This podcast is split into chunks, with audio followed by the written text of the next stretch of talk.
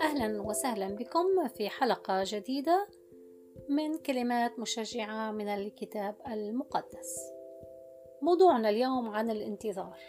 لماذا يكون انتظار الرب انتظار الأمور أمرا صعبا؟ ما هو شعور الإنسان وقت الانتظار؟ هل الانتظار بالأمر السهل؟ أم نجد صعوبة في الانتظار؟ هل طال انتظارنا لأمر ما لدرجة أننا شعرنا أننا ننتظر المستحيل؟ شعرنا بالملل والإحباط ويأسنا؟ والبعض يأس من الحياة وأصبحت الحياة بلا طعم. يمكن أن نرى صعوبة في الانتظار لأننا نريد أن تحصل الأمور في الوقت الذي نريده ونعينه وأن تحصل الأمور حسب مخططاتنا وترتيبنا. يصعب الانتظار حين لا نسلم أمورنا للرب ونفقد ثقتنا به وبتوقيته وترتيبه. أحبتي الله يكرم طلباتنا يستجيب صلواتنا ولكن في حكمته يعرف تماما الوقت الذي يعطينا طلبة ما. حين نثق بحكمته يسهل علينا التسليم والانتظار. الرب لا يخيب أملك ولكنه يعمل بتوقيت أفضل من كل توقيتاتنا وتخطيطاتنا وتوقعاتنا. الله يرى الصورة كاملة فهو يعرف ما هو الأفضل لنا ومتى. نحن نرى ما نستطيع أن نراه اليوم والأمس ولكن نحن لا نعرف المستقبل. لو توقعنا ماذا يحصل بالغد لا نعرف حتى إن كان هذا سيحصل أم لا. فنحن لدينا الصورة ناقصة ولا نرى الصورة بمعناها الكبير. ولكن الرب قادر أن يرى الصورة الكاملة وقادر أن يعرف ما هو الأفضل لنا ومتى. يقول الكتاب المقدس الله طريقه كامل. الله طريقه كامل في المزمور الثامن عشر. فإن كان لنا ثقة أن طرق الله كاملة إذا لنا ثقة أنه مهما فعل سيكون رائع وكامل. المهم أننا آه، نتبع الأمثال الثلاثة خمسة وستة آه، في كتابنا المقدس يقول توكل على الرب بكل قلبك وعلى فهمك لا تعتمد في كل طرقك أعرفه وهو يقوم سبلك. فأيا كانت توقيتات الرب هو وقت كامل. وهذا يجعل الانتظار آه، أقل صعوبة بل يصبح مبهجا أيضا. في هذه الأيام آه، أيضا نحن آه، الجيل الذي اعتدنا على الأمور الإلكترونية. اعتدنا أن نرسل رسالة فتصل فورا. اعتدنا أن نرسل طلبا بالبريد ويأتي بسرعة أكثر بكثير مما كان في أيام زمان. اعتدنا على الأمور السريعة. اعتدنا أن أحيانا نرسل رسالة لشخص ويكون الشخص على الإنترنت في نفس الوقت ويرد علينا فورا. اعتدنا أن نضع صورة في مواقع التواصل الاجتماعي وفورا نشاهد الإعجاب يأتي واحد بعد الآخر. اعتدنا على الأمور أن تأتي بسرعة. أصبح الصبر صعبا علينا لأن هذه حياتنا اليومية. ولكن الرب يعرف ما هو الأفضل. الرب قادر أن يجيب بسرعة وقادر أن يجيب في وقت متأخر. بالنسبة لنا وقت متأخر ولكن بالنسبة للرب هو الوقت الكامل. نصائح نريد أن نفعلها في وقت الانتظار. الأمور صعبة. أحيانا تكون أمور صعبة ومزعجة ومؤلمة ولكن نصائح في وقت الانتظار من كلمة الرب ملقينا همكم عليه فهو يعتني بكم. فإذا في البداية لا نقلق. القلق لا يقدم ولا يسرع ولا يبطئ ولا يغير شيء. القلق هو كأنك تعاقب نفسك بنفسك. فالقلق لا ينفع شيئا. إلا أنه يؤدي إلى صداع في الرأس ربما ربما آلام في المعدة ربما نفسية متعبة. فإذا حين يأتي القلق قل للقلق اذهب عني عندي إله يهتم بي. تذكر وجود الرب علينا في السابق. اختباراتنا مع الرب في السابق تذكرنا بجوده وأمانته. فنتذكر جود الرب علينا ونعرف أن الرب هو إله الأمانة.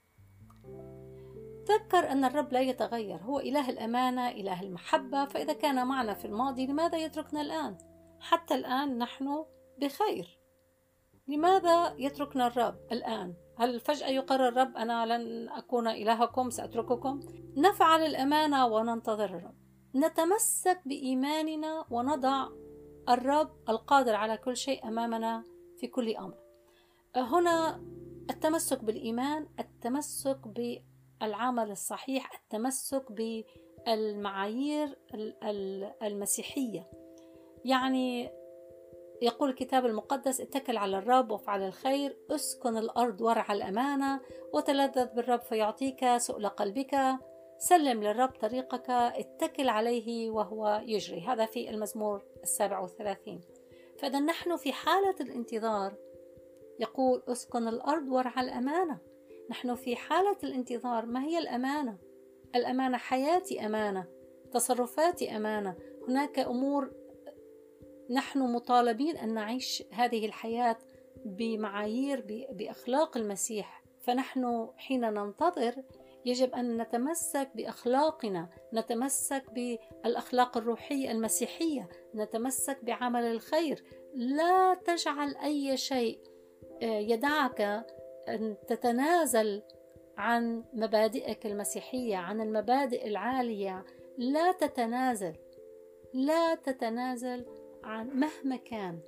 لا تلجأ للكذب لا تلجأ للأمور الملتوية. نحن نكون بلا لوم. لكي نكون بلا لوم. أولادا لله بلا عيب. في وسط جيل معوج وملتو نحن الجيل معوج وملتوي ولكن نحن بلا عيب ولسنا ملتوين نحن بسطاء بساطة المسيح وبراءة القلب المغسل بدم يسوع المسيح. نستمر بعمل الصح. إياكم إياكم إياكم أن تكونوا بعيب. الرب يقول تكونوا بلا عيب. إيانا أن نتنازل عن أن نكون بسطاء. الجيل ملتون ومعوج ولكن نحن أولاد الرب ليس كذلك. فلا تجعل فترة الانتظار تبرر أي سلوك لا يرضي الله. تذكر أن أي سلوك لا يرضي الله سيأتي بالتأديب. ودائما كنت أقول لطلابي أن من يلعب بالنار يحرق يديه. هذا مبدأ. تلعب بالنار تحرق يديك. لا أحد مشى في النار ونجا. تمشي في النار تحترق. تلعب بالنار تحترق. فإذا اللعب بالخطية يؤدي إلى دمار. فلا تلعب بالخطية. اجعل الانتظار هو وقت القداسة وقت التكريس للرب وقت الصلاة مع الرب وقت أن تكون تنقي حياتك في كل يوم. فإذا لا تقلق. قل للقلق عندي إله كبير. أيها القلق عندي إله يهتم فيه. آه، لا تسمح لفكر القلق أن يأتي إليك. تذكر جود الرب وإحساناته عليك. تذكر أن الرب إله الأمانة لا جور فيه لا جور فيه هو لن يظلمنا. اتكل على الرب افعل الخير افعل الخير افعل الخير. أنا أرى في هذه كلمة افعل الخير أن الرب أيضا يقول اسكن الأرض ورع الأمانة. يقول الرب أن نتكل عليه نسلم له نعيش حياة الأمانة. وافعل الخير أيضا حين نكون في حالة صعبة ربما ننظر إلى شخص آخر في حالة أصعب ونفعل الخير. وأخيرا أقول نعترف بسيادة الله على الأمور. لا نحدد للرب طريقة الاستجابة ولا وقتها ولا مكانها ولا كميتها. نحن لا نملي على الرب طلباتنا آه، بالتحديد هكذا وهكذا وهكذا. نحن ربما نعرض أمامه آه، وهو ونقبل مشيئته. نعرض أمامه يا رب أريد أن هذا الأمر آه، إن كانت مشيئتك يا رب. ونقبل مشيئة الرب. المهم أن حياتنا تكون نقية أن نقاوة القلب تفتح المجال لأن خطايانا تفصل بيننا وبين الله. فنقاوة القلب نستغل هذه فترة الانتظار بتنقية قلوبنا وسلوكنا. ومهما بدت الأمور صعبة الرب قادر أن يحلها للرب. حلول الرب عند الرب في الموت مخارج. نضع أمورنا بيد الرب نتابع الصلاة نتمسك بالحياة المسيحية النقية والرب سوف يحول كل الأمور للخير لأنه وعد كل الأشياء تعمل معا للخير للذين يحبون الله الذين هم مدعوون حسب قصده الذين يحبون الله بالقول والفعل. الأمور سوف تصبح للخير. انتهت حلقتنا اليوم وسوف أتابع في هذا الموضوع في حلقة القادمة. سلام الرب يسوع معكم. أرجو أن تكونوا قد استفدتم واستمتعتم بهذه الحلقة. إلى اللقاء.